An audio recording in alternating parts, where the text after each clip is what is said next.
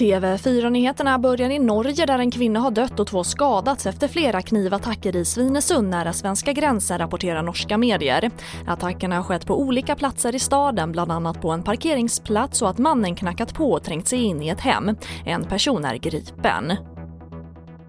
Och sen till Tjeckien, tre mil söder om Prag där fler än 30 personer skadats när ett persontåg körde in i ett stillastående frakttåg på tisdagskvällen. Fyra personer är allvarligt skadade och vårdas på sjukhus. Och två personer har avlidit efter en misstänkt arbetsplatsolycka på företaget Sandvik i Gimo.